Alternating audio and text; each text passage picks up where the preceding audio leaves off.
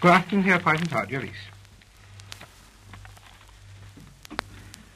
Hovedbegivenheden i den spanske borgerkrig er i dag, det er oprørstropperne med stor kraft foretagende angreb på Irun.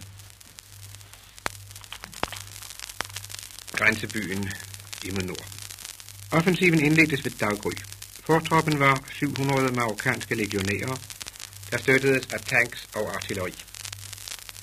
Reuters korrespondent oplyser i formiddag, at regeringsmilitsen hidtil holdt stillingen. Agent Savas bringer en mere detaljeret beretning om angrebet på Ion, og det hedder her i.